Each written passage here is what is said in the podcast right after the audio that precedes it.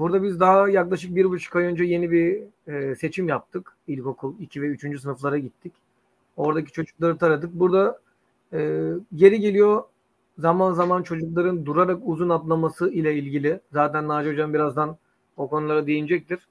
Durarak uzun atlamasını alarak e, çocuğun çabukluğunu burada biz test etmeye çalışıyoruz. E, eğer yer ve zaman konusunda sıkıntımız varsa bizim için en ekonomik yöntem ilk etapta belirlemekte bu oluyor. Öncelikle bir çocuğun bizim için çok çabuk olması gerekiyor. Çünkü biliyorsunuz e, dünyada en hızlı topu olan spor branşıyız. Dolayısıyla evet.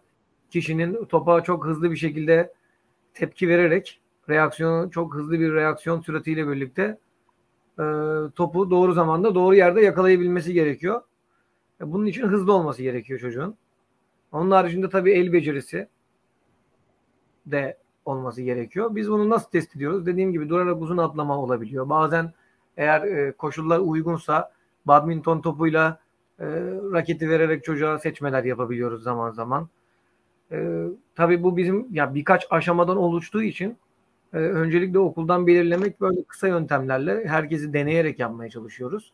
Havuzu geniş tuttuktan sonra biz onları spor salonumuza davet ediyoruz. Spor salonumuzda yine 20 metre sürat testleri, sıçrama testleri, durarak uzun atlama testleri, shuttle run koşusu yaparak çocukların verilerini alıyoruz ve bunları e, e, uluslararası literatürde yapılmış olan çalışma kriterlerine dayanarak biz de kıyaslamalar yapıyoruz.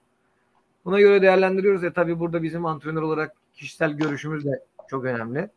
Çocuğun e, topa olan e, o duygusu, o hissiyatı, topu hissetme durumuna da bakıyoruz. Yani sadece fiziksel verilere de bakmayarak bu tarz özelliklerini gözlem ve test yaparak bunlara bakarak belirliyoruz.